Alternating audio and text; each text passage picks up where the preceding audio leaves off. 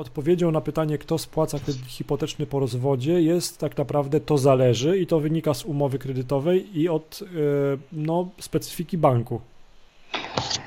Czy to zależy od tego, jak się, jak się małżonkowie dogadują. Aha, Czyli okay. jeżeli się dogadali, bo najczęściej, najłatwiej i to najlepiej dogadać się co do podziału majątku, co do tego, kto co przyjmuje. I jeżeli jedna ze stron czuje się mocniejsza, bądź z jakiegoś powodu e, jem bardziej to, to mieszkanie się chcą zostawić, bo też mogą oczywiście sprzedać. To tak. też jest częste rozwiązanie. Po prostu słuchaj, ja tego nie chcę, ty tego nie chcesz, sprzedajemy to mieszkanie, tym samym pozbywamy się kredytu i tak naprawdę to jest najszybsza ścieżka, żeby ten temat zakończyć. Ale z jakiegoś powodu niektórzy nie chcą sprzedawać, chcą sobie zostawić, druga osoba chce wynajmować, albo jest jakiś tam sentyment tak. do pewnych jest jakieś, więc wtedy, wtedy no trzeba, wtedy jest podział, albo jest sądowny podział majątku i jakieś zobowiązanie i wtedy już sąd to ustanowił, albo małżonkowie się dogadali i ustalili, że jedna strona właśnie przyjmuje, czyli przyjmuje całą nieruchomość, jakby odkupuje tą drugą część, tak, i przyjmuje tym samym całe, całość kredytu. I to jest zobowiązanie zapisane notarialnie,